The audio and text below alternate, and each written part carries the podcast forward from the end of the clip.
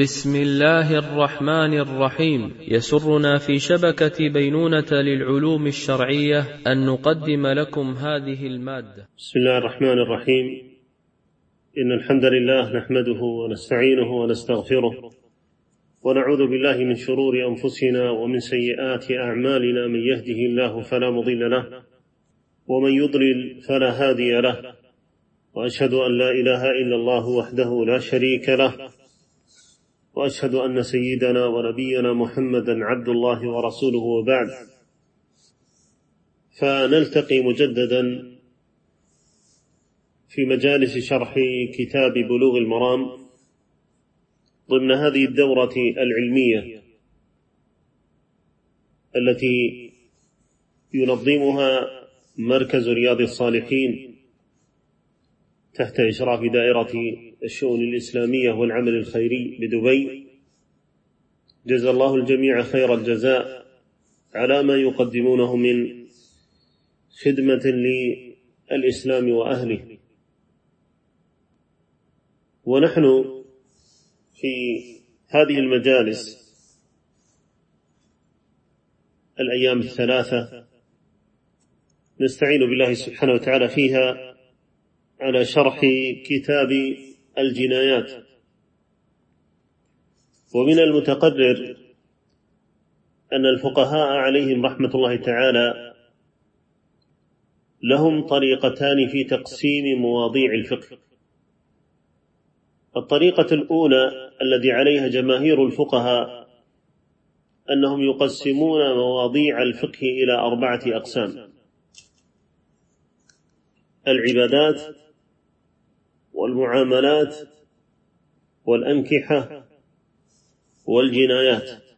هذا غالب ما عليه الفقهاء. فالعبادات هي الصلاة والزكاة والصوم والحج ويدخلون فيه الجهاد. وأما المعاملات فهي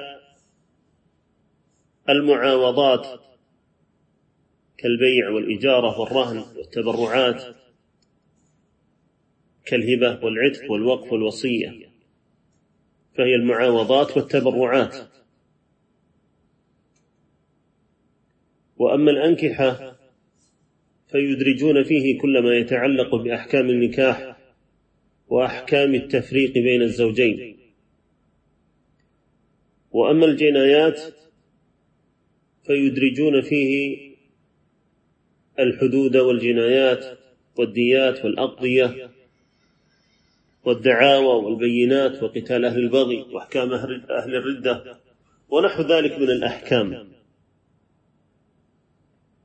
وهذا التقسيم الذي عليه غالب الفقهاء عليهم رحمة الله تعالى. وأما الطريقة الثانية هي عند بعض الفقهاء في تقسيمهم لمواضيع الفقه إلى ثلاثة أقسام العبادات والمعاملات والعقوبات. ويجعلون الأنكحة ضمن المعاملات. يقول ابن عابدين الحنفي اعلم أن مدار أمور الدين على الاعتقادات والآداب والعبادات والمعاملات والعقوبات. والأولان ليس مما نحن بصدده يعني الاعتقادات والآداب ثم قال والعبادات خمسة وذكر الصلاة والزكاة والصوم والحج والجهاد. قال والمعاملات خمسة المعاوضات المالية والمناكحات والمخاصمات والأمانات والتركات. والعقوبات خمسة القصاص وحد السرقة والزنا والقذف والردة. انتهى كلامه رحمه الله تعالى. ثم إن مما يجب أن يعلم أن الشريعة الإسلامية قد جاءت بحفظ الضروريات الخمس الدين والنفس والعرض والمال والعقل وحرمت الاعتداء عليها سواء كان الاعتداء من صاحبها أو من غيره. فأمرت الشريعة بحفظ الدين لأن به صلاح حياة العبد. في دينه وفي دنياه. ويكون حفظ الدين بإقامة الشريعة والدعوة إليها وبترك الشرك والبدع والمحدثات والمعاصي. وكذلك أمرت بحفظ النفس لأن النفس مقصودة بخلق الله تبارك وتعالى لها كما هو معلوم لأجل عبادته سبحانه وتعالى. ويكون حفظ هذه النفس بصيانتها ورعايتها وعصمتها وبعدها عن أسباب تلفها وهلاكها كالمرض أو القتل أو الانتحار ونحو ذلك. والمرض المقصود هنا المرض المتعمد والأسباب المودية إليه. وكذلك أمرت الشريعة بحفظ العرض والنسل لأنه من أسباب بقاء النسل البشري. ويحفظ بالنكاح وأسبابه وبترك الزنا وأسبابه. وكذلك أمرت الشريعة بحفظ المال لأنه من أعظم أسباب حصول منافع العباد في حياتهم. والمال يحفظ بالكسب الحلال. والإنفاق في الحلال وتحريم الاعتداء على المال وإضاعته والغش فيه ونحو ذلك. وكذلك أمرت الشريعة بحفظ العقل لأن العقل مناط التكليف ويحفظ هذا العقل بالإيمان الصحيح وتنمية مداركه بالمباحات وبترك المفسدات كالخمر. والمخدرات وكذلك المعتقدات الباطلة. فالشريعة جاءت بحفظ هذه الضروريات التي بها يحصل النفع العام للخليقة في معاشهم وفي معادهم. وهذا يجرنا للكلام على هذا الكتاب الذي بين أيدينا. أعني كتاب الجنايات من كتاب بلوغ المرام. والجنايات هي جمع جناية وهي في اللغة كما قال الخليل جنى فلان جنى فلان جناية أي جر جريرة على نفسه أو على قومه. وقال وتجنى فلان علي ذنبا إذا تقوله علي وأنا بريء. وفلان يجاني على فلان أي يتجنى عليه. والجنى الرطب والعسل وكل ثمرة تجتنى فهو جنى. انتهى كلامه وقال الليث يقال جنى الرجل جناية إذا جر جريرة على نفسه أو على قومه يجني وتجنى فلان على فلان ذنبا لم يجنه إذا تقوله عليه وهو بريء. وقال في مقاييس اللغة تقول جنيت الثمرة أجنيها وأجتنيها أو اجتنيتها أجنيها واجتنيتها وثمر جني أي أخذ لوقته ومن المحمول عليه جنيت الجناية أجنيها. انتهى كلامه. هذا من حيث اللغة. وأما من حيث الاصطلاح والشرع. فهي بالمعنى العام يراد بها كما قال الجرجاني في التعريفات الجناية هو كل فعل محظور يتضمن ضررا على النفس أو غيرها. وأما المعنى الخاص فالجناية كما قال ابن الأثير الذنب والجرم وما يفعله الإنسان مما يوجب عليه العذاب أو القصاص في الدنيا والآخرة. وعرفه النووي فقال وهي القتل والقطع والجرح الذي لا يزهق ولا يبين. كذا قال. والحاصل من هذه التعريفات أن الجناية هي كل عدوان على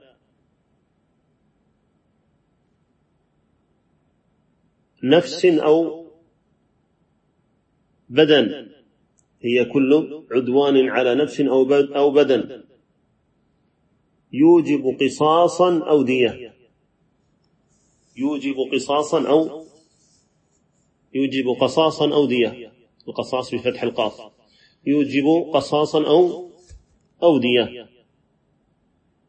إما أن يوجب القصاص أو يوجب الدية وسيأتي الكلام على القصاص وعلى الدية. والجناية مصدر. والأصل في المصادر أنها لا تجمع. قال الصنعاني في السبل وجمعت وإن كانت مصدرا لاختلاف أنواعها فإنها قد تكون في النفس وفي الأطراف وتكون عمدا وخطأ وتكون عمدا وخطأ فهذا ما يتعلق بتعريف الجنايات. ما سبق ذكره وبيانه كمدخل إلى هذا الكتاب وسيأتي مزيد كلام بحول الله سبحانه وتعالى. تفضل الله يحفظك بسم الله والحمد لله والصلاة والسلام على رسول الله وعلى آله وصحبه أجمعين. اللهم اغفر لنا ولشيخنا وللسامعين ولجميع المسلمين. قال الحافظ ابن حجر رحمه الله في كتابه بلوغ المرام تحت كتاب الجنايات. عن ابن مسعود رضي الله عنه قال قال رسول الله صلى الله عليه وسلم لا يحل دم امرئ مسلم يشهد أن لا إله إلا الله وأني رسول الله إلا بإحدى ثلاث الثيب الزاني والنفس بالنفس والتارك لدينه المفارق للجماعة متفق عليه. وعن عائشة رضي الله عنها عن رسول الله صلى الله عليه وسلم قال لا يحل قتل مسلم إلا في إحدى ثلاث خصال زان محصن فيرجم ورجل يقتل مسلما متعمدا فيقتل ورجل يخرج من الإسلام فيحارب الله ورسوله فيقتل أو يصلب أو ينفى من الأرض رواه أبو داود والنسائي. وصححه الحاكم. وعن عبد الله بن مسعود رضي الله عنه قال قال رسول الله صلى الله عليه وسلم أول ما يقضى بين الناس يوم القيامة في الدماء. متفق عليه. حسبه. هكذا شرع المصنف رحمه الله تعالى كتاب الجنايات. وسيورد رحمه الله تعالى اولا بضعة عشر حديثا في بيان بعض الأحكام العامة التي تتعلق بعصمة النفس وتحريم سفك الدم الحرام وبيان بعض الأحكام المتعلقة بالقصاص وبعض الأحوال لمن يقتص منه. وكذلك فيما يتعلق بآلة القتل. وسيأتي مزيد بيان وكلام حول ذلك كله بإذن الله سبحانه وتعالى. وهذه الثلاثة أحاديث منها حديثان متفق عليهما. هما لابن مسعود رضي الله عنه. الحديث الأول حديث لا يحل دم امرئ مسلم. والحديث الثاني حديث ابن مسعود. المتفق عليه أول ما يقضى. وأما حديث أم المؤمنين عائشة رضي الله عنها قد أخرجه أبو داود والنسائي وكذلك أخرجه الدار قطني والبيهقي. وقال فيه الحاكم هذا حديث صحيح الإسناد على شرط الشيخين ولم يخرجاه. ووافقه الذهبي. وقال ابن حجر في الدراية إسناده صحيح وصححه الألباني. وأما ما جاء في هذه الأحاديث من المفردات ففيه الثيب. قال ابن السكيت وهو الذي دخل بامرأة وهي التي دخل أو دخل بها. والمحصن قال الخليل وامرأة محصنة أحصنها زوجها ومحصنة بكسر الصاد ومحصنة أحصنت زوجها ويقال فرجها وامرأة حاصن بينة الحسن والحصانة أي العفافة عن الريبة وامرأة حصان الفرج الفرج. انتهى كلامه. والأصل في إطلاق لفظ الإحصان على ذي الزوجة وذات الزوج. على الرجل ذي الزوجة والمرأة ذات الزوج. وقد يطلق لفظ الإحصان على الحرائر كما في قوله تبارك وتعالى فإن أتينا بفاحشة فعليها نصف فعليهن نصف ما على المحصنات من العذاب.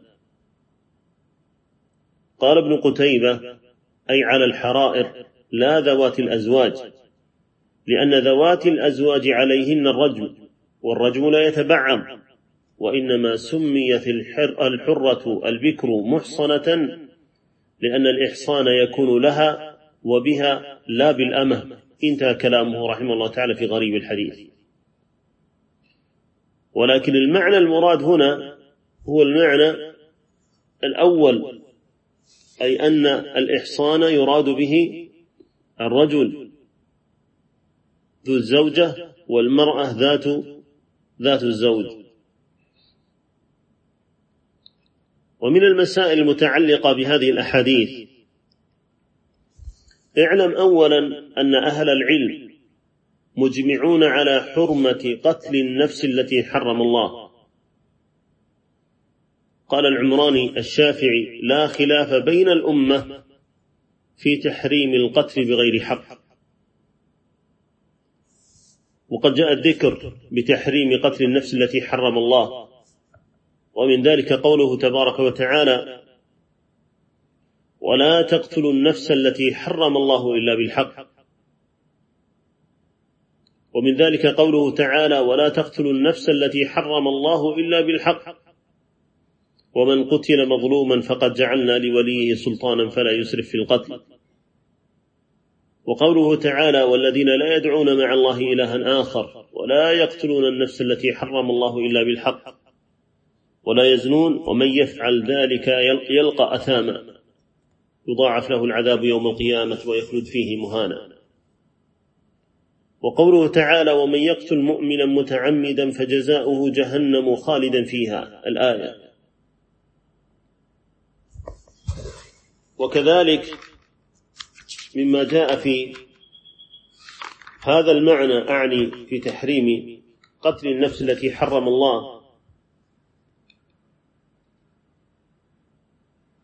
أحاديث الباب التي معنا هنا حديث ابن مسعود لا يحل دم امرئ مسلم يشهد أن لا إله إلا الله وأني رسول الله إلا بإحدى ثلاث. وهذا هنا استثناء جاء بعد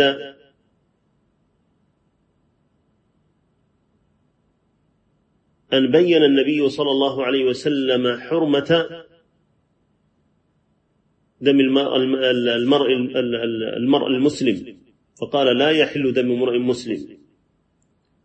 وهذا النفي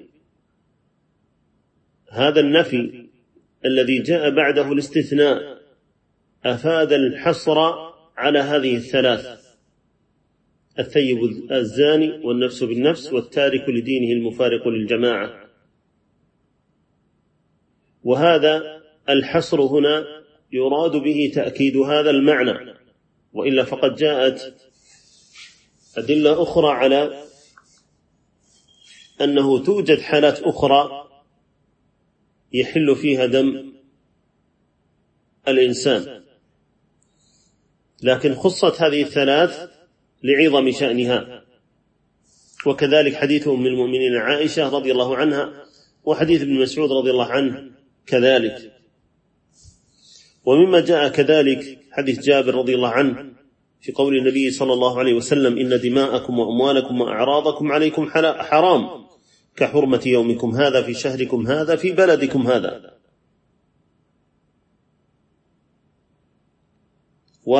وغير ذلك من الأحاديث الذي التي وردت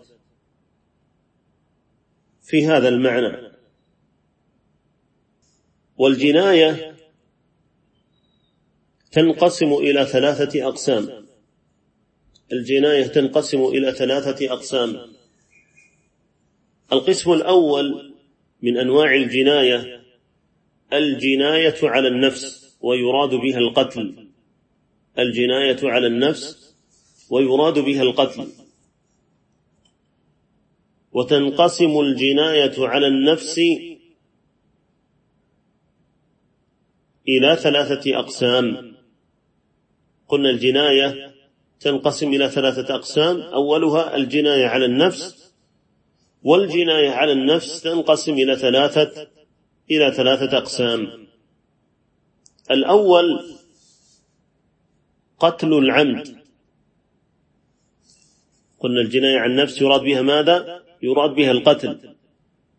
وهذه الجناية على النفس التي هي القتل تنقسم إلى ثلاثة أقسام. أولها قتل العمد. وانتبه في التفريق بين هذه الأنواع الثلاثة من الجناية على النفس. أولها قتل العمد. وقتل العمد هو القتل الذي يكون عن قصد وعدوان. بآلة تقتل غالبا. قتل العمد هو القتل الذي يكون عن قصد وعدوان. بآلة تقتل غالبا. وقلنا هنا عن قصد. لنخرج ما لم يكن عن غير قصد. قد يحصل قتل خطأ. وقلنا عن عدوان لنخرج ما لو قصد رجل ما لو قصد رجلا آخر فأصاب غيره أو ما لو قصد رجلا فأصاب غيره. وقولنا بآلة تقتل غالبا خرج به ما لو كانت الآلة لا تقتل غالبا. خرج به ما لو كانت الآلة لا تقتل غالبا.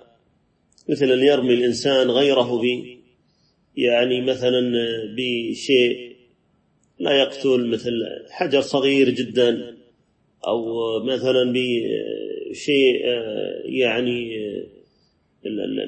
لا يكون مثقال له وزن فيرميه به يرميه بكتاب مثلا لكن يصيبه في مكان يقتله به. القسم الثاني من أقسام الجناية على النفس ومن أنواع القتل هو قتل شبه العمد قتل شبه العمد وهو القتل الذي يكون عن قصد بآلة لا تقتل غالبا. يقصد الاعتداء. الثالث من أنواع القتل والجناية على النفس قتل الخطأ. قتل الخطأ. وهو القتل الذي لا يكون متجها إلى معصوم. لا يكون القتل فيه متجه إلى معصوم. فيكون القتل غير متجه إلى إنسان معصوم. فيحصل القتل خطأ.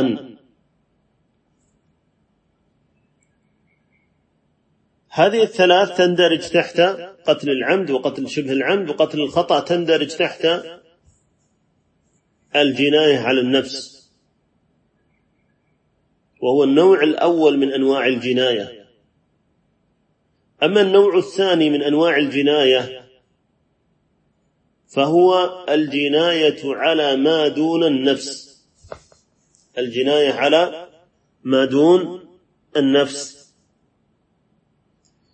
ويراد به الاعتداء على عضو يراد به الاعتداء على عضو بالجرح بالجرح أو القطع. بالجرح أو القطع لا يؤدي إلى الموت. يعتدي على عضو بالجرح أو القطع لكن لا يؤدي إلى إلى الموت. وهذه الجناية على ما دون النفس تنقسم كذلك إلى ثلاثة أقسام. انتبه.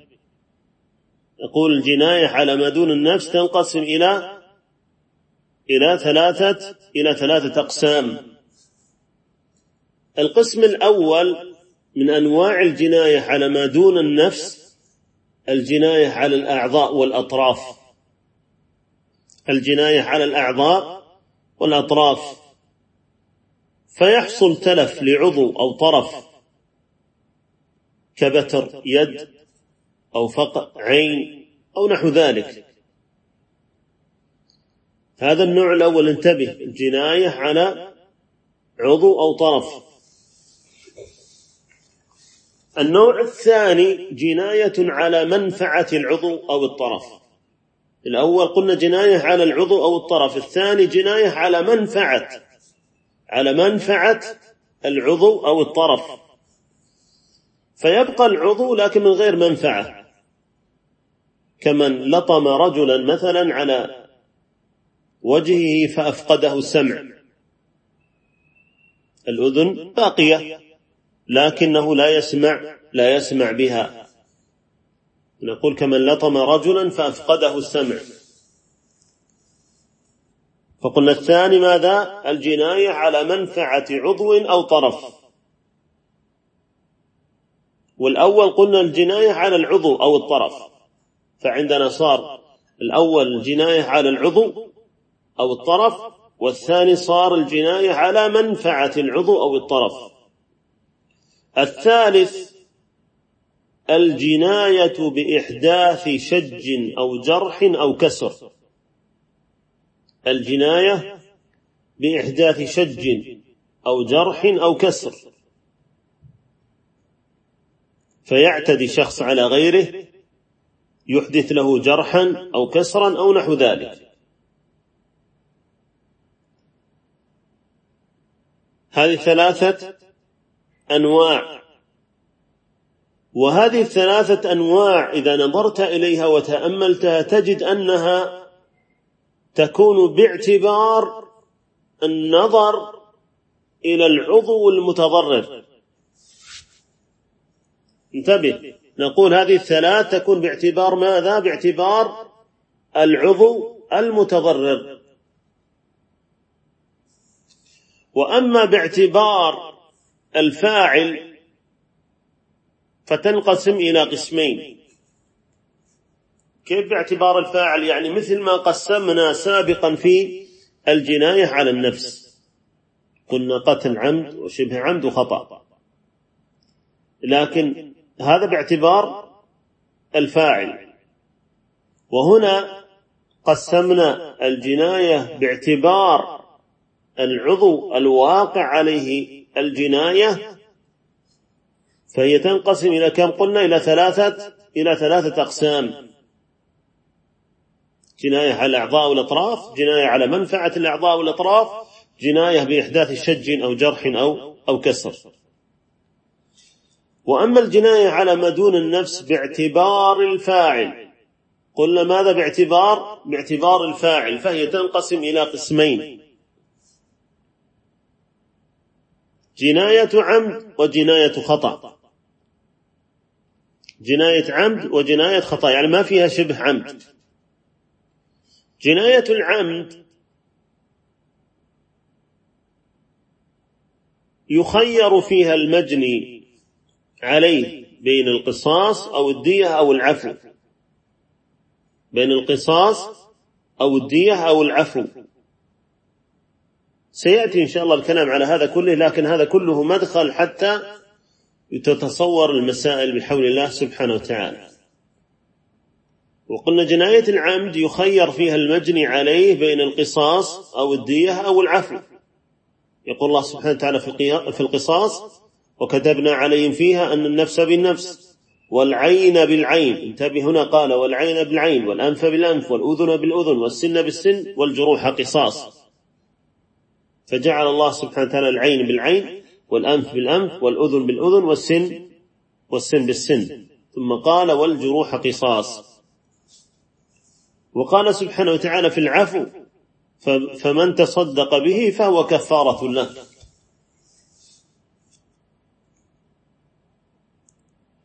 وأما النوع الثاني من أنواع الجناية على ما دون النفس قلنا ماذا؟ قلنا هي جناية الخطأ. وهي التي يخير فيها المجني بين الدية وبين العفو وسيأتي إن شاء الله الكلام عليه. الآن صار عندنا نوعان. إلى الآن صار عندنا نوعان من أنواع الجناية. جناية على النفس وجناية على ما دون النفس. وقلنا في الجناية على النفس تنقسم باعتبار الفاعل إلى ثلاثة أقسام وهي جناية أو القتل العمد وقتل شبه العمد وقتل الخطأ. والجناية على ما دون النفس تنقسم إلى ثلاثة أقسام باعتبار العضو الذي وقع عليه. الاعتداء فقلنا جناية على عضو أو طرف أو قلنا جناية على منفعة عضو وطرف أو قلنا جناية على أو بإحداث شج أو جرح أو كسر. وأما باعتبار الفاعل فقلنا هما نوعان جناية عمد وجناية خطأ. يتبقى عندنا النوع الثالث من أنواع الجناية. وهو الجناية على ما يعتبر نفسا من وجه دون دون وجه. الجناية على ما يعتبر نفسا من وجه دون وجه. وهذه تختص بالجنين. تختص بالجنين. وإنما قيل فيها ما يعتبر نفسا من وجه دون وجه لأن الجنين تكون نفسه تبعا لحياة أمه. الجنين تكون نفسه تبعا لحياة أمه. من جهة أنه يبقى ببقائها. ومن وجه آخر فإن له نفسا مستقلة من جهة انفصالها عن أمه بعد ولادته. هذا من جهة أخرى. فله نفس مستقلة تنفصل بعد ولادته تنفصل عن الأم. فهو يعتبر نفس من وجه دون وجه.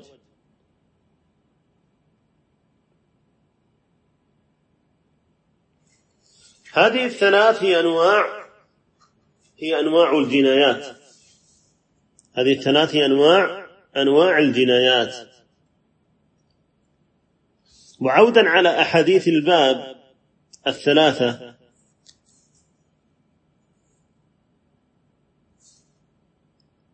اعلم أن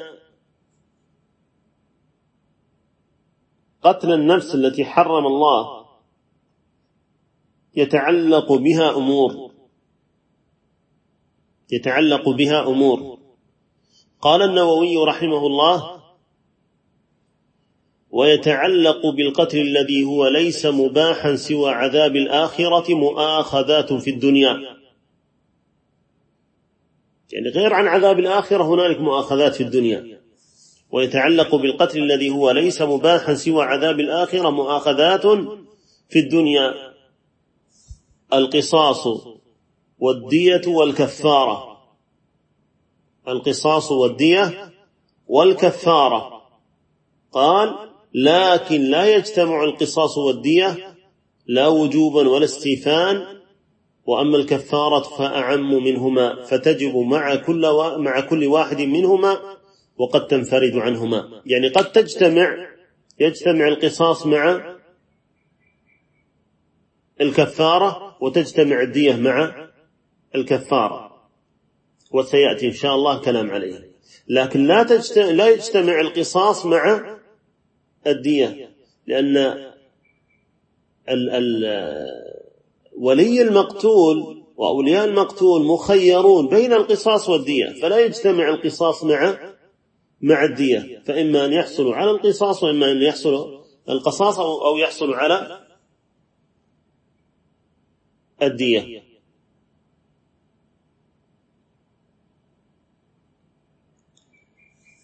ثم قال رحمه الله تعالى ويتعلق به أيضا التعزير في صور منها إذا قتل من نساء أهل الحرب أو صبيانهم والله أعلم. ثم القصاص لا يختص بالنفس بل يجري في غير النفس من الأطراف وغيرها هذا ما ذكرناه في الجناية على ما دون على ما دون النفس. انتهى كلام رحمه, الله تعالى وسيأتي إن شاء الله مزيد تفصيل في ذلك. الله سبحانه وتعالى قد جعل لنا في القصاص حياة. فقال سبحانه ولكم في القصاص حياة يا أولي الألباب. ولكم في القصاص حياة يا أولي الألباب. قال الشافعي في الأم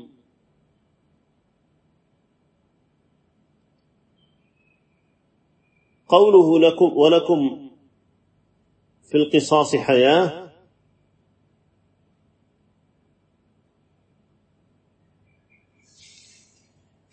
ينتهي بعضكم عن بعض أن يصيب مخافة أن يقتل. إن قلنا أن القصاص تكون قبل قلنا بالفتح تكون بالفتح وبالكسر والله أعلم.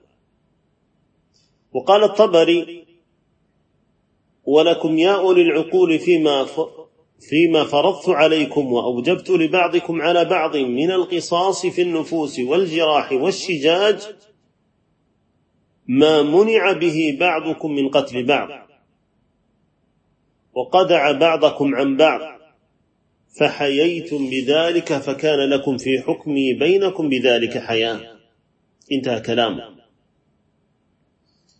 ويقول قتادة في قوله تعالى ولكم في القصاص حياه.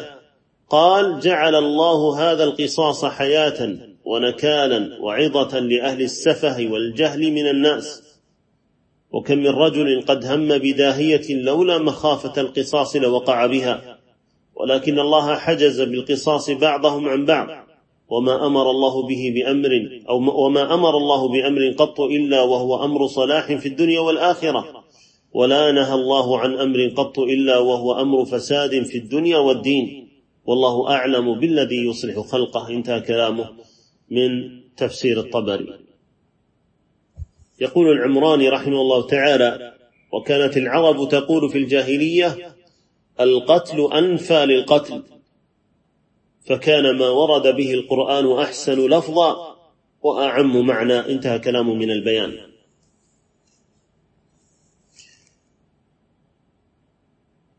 في قول النبي صلى الله عليه وآله وسلم في حديث ابن مسعود النفس بالنفس.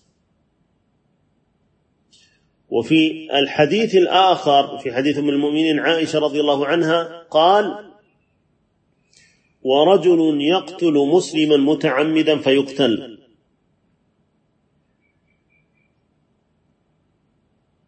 يقول الزيلعي رحمه الله تعالى في هذين اللفظين قال هذا وفي هذا اللفظ الذي في حديث عائشة رضي الله عنها الذي في حديث أم المؤمنين عائشة رضي الله عنها ورجل يقتل مسلما متعمدا فيقتل قال رحمه الله تعالى وفي هذا اللفظ بيان للمجمل في حديث ابن مسعود والنفس بالنفس. لأن حديث ابن مسعود رضي الله عنه فيه ذكر النفس بالنفس كما جاء في في الآية في قول الله سبحانه وتعالى وكتبنا عليهم فيها أن النفس بالنفس. فلم يحدد نوع النفس المرادة والمقصودة هنا. ولكن في حديث أم المؤمنين عائشة رضي الله عنها خص النفس المقتولة بأنها نفس مسلمة. وأن القتل هنا قتل عمد. قال ورجل يقتل مسلما متعمدا فيقتل. وقد اختلف أهل العلم في حكم قتل المسلم بالكافر.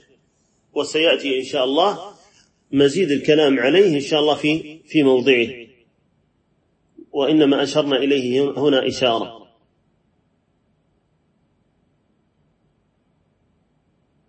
وعلى كل حال هذه الأحاديث الثلاثة مفيدة لأسباب حل الدم ومفيدة أن ليس كل دم يعد دما مباحا بل هنالك ما يكون سببا للقتل دون غيره. وقد قال النبي صلى الله عليه وسلم في الحديث الصحيح أمرت أن أقاتل الناس حتى يشهدوا أن لا إله إلا الله فإذا هم قالوها عصموا مني دماءهم. وأموالهم إلا بحقها. وكذلك هنا ما يذكر من المسائل أن أهل العلم مجمعون على أن القود لا يكون إلا في قتل العمد. أهل العلم مجمعون على أن القود لا يكون إلا في قتل العمد. ومرادنا بالقود هنا قتل القاتل لأجل قتله غيره. أجل قتله غيره. قال ابن حزم ولا خلاف بين أحد من الأمة في أن القود ليس إلا في العمد فقط. وكذلك مما يذكر هنا اعلم أن جماهير السلف والخلف على أن القاتل المتعمد للقتل لا يكون كافرا بقتله للمسلم. وهذه مسألة زائدة نذكرها هنا للفائدة.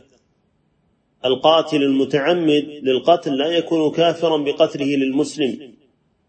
إذا كان قتله عدوانا مع عدم الاستحلال مع عدم استحلال دمه. إذا كان قتله عدوانا مع عدم استحلال دمه. قال النووي رحمه الله تعالى في شرح مسلم مع إجماع أهل الحق على أن الزاني والسارق والقاتل وغيرهم من أصحاب الكبائر غير الشرك لا يكفرون بذلك بل هم مؤمنون ناقص الإيمان. إن تابوا سقطت عقوبتهم أي في الآخرة. وإن ماتوا مصرين على الكبائر كانوا في المشيئة. انتهى كلام.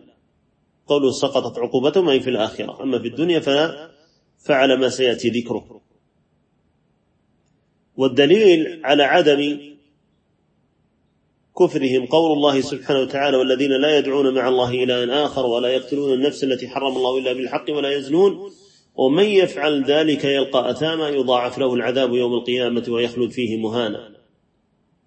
إلا من تاب وآمن وعمل عملا صالحا فأولئك يبدل الله سيئاتهم حسنات. هكذا استدل الجماهير. وكان الله غفورا رحيما. الآية. هذا الذي عليه جماهير السلف والخلف. على أن الآية قد ذكرت الشرك بالله سبحانه وتعالى وفي ذلك المبحث نعرض عنه لضيق, لضيق الوقت. واختلفوا كذلك في قبول توبته. هل تقبل توبة القاتل قاتل النفس المتعمد المسلم أم لا؟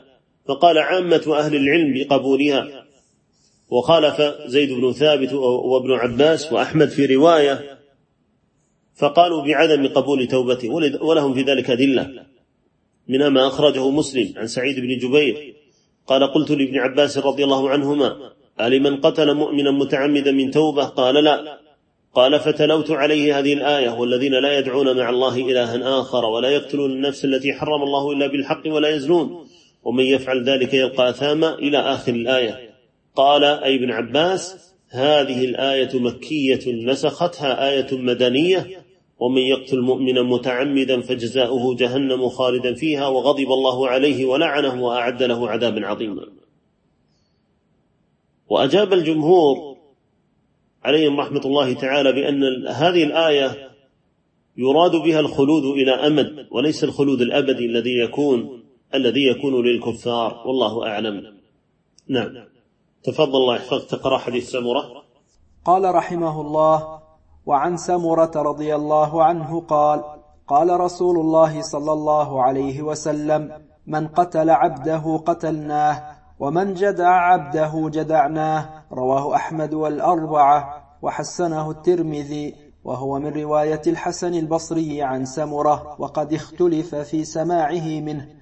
وفي رواية أبي داود والنسائي ومن خصى عبده خصيناه وصحح الحاكم هذه الزيادة. نعم. هذا الحديث حديث سمرة رضي الله عنه. اختلف أهل الحديث في إثباته. قال ابن الجوزي في التحقيق هذا الحديث مرسل لأن الحسن لم يسمع من سمرة. قال أبو حاتم بن حبان الحافظ لم يلقى الحسن سمرة. انتهى كلامه أهل العلم أو أهل الحديث اختلفوا في سماع الحسن من سمرة.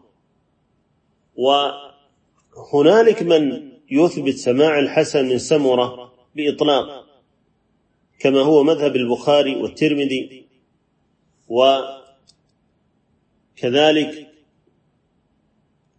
علي بن المديني. ومنهم من يقول لم لم يلقى الحسن سمرة. رضي الله عنه كما يقول ذلك ابن حبان. ومن أهل العلم من يقول بل لقيه وسمع منه حديثا واحدا هو حديث العقيقة. وهذا لعله الأقرب. أهل العلم إنهم مختلفون في سماع الحسن من سمرة. وممن أثبت هذا السماع قلنا البخاري والترمذي وابن المديني. وقال الترمذي سألت البخاري عن حديث من قتل عبده قتلناه. فقال أي البخاري كان علي بن المديني يقول يقول به وأنا أذهب إليه وسماع الحسن من سمرة عندي صحيح. وخالفهم في ذلك يحيى بن معين وشعبة وابن حبان والبرديجي وروى أبو إسحاق عن ابن عون قال دخلت على الحسن فإذا بيده صحيفة فقلت ما هذا؟ فقال هذه صحيفة كتبها سمرة لابنه. قال فقلت سمعته من سمرة؟ قال لا. فقلت سمعته من ابنه فقال لا. ولذلك ذهب جمع من أهل الحديث إلى أن سماع الحسن من سمرة إنما كان عن صحيفة لأنه سماع مباشر. خل ما ثبت في سماع الحسن لحديث العقيقة من سمرة رضي الله عنه. وقد جاء في عند أبي داود في السنن قول قتادة ثم إن الحسن نسي هذا الحديث فكان يقول لا يقتل حر بعبد. لا يقتل حر بعبد. قال البيهقي يشبه أن يكون الحسن لم ينسى الحديث لكن رغب عنه لضعفه. وأكثر أهل العلم بالحديث رغبوا عن رواية الحسن عن سمرة وذهب بعضهم إلى أنه لم يسمع منه غير حديث العقيقة. انتهى كلام انتهى كلام البيهقي.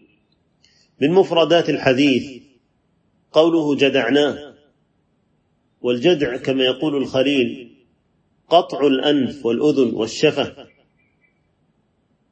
جدعته أجدعه جدعا وهو مجدوع وأنا جادع وإذا لزمت الندع النعت فهو أجدع والأنثى جدعاء وبه جدع. انتهى كلامه رحمه الله تعالى. وهذا الحديث متعلق بحكم قتل الحر بالعبد والذي عليه جماهير الفقهاء أن الحر لا يقتل بالعبد وقالوا بوجوب التكافؤ بين القاتل والمقتول أو أن يكون المقتول أعلى من القاتل. قالوا إما أن يتكافأ القاتل والمقتول أن يحصل التكافؤ بين القاتل والمقتول أو أن يكون المقتول أعلى من القاتل لأجل أن يقضى بالقصاص للمقتول. ومما استدلوا به هنا قول الله تبارك وتعالى الحر بالحر والعبد بالعبد. قالوا قد فرق الله سبحانه بين الحر والعبد. ولا يلزم قالوا ولا يلزم منه نفي قتل العبد بالحر أي العكس. لا يلزم العكس وهو قتل العبد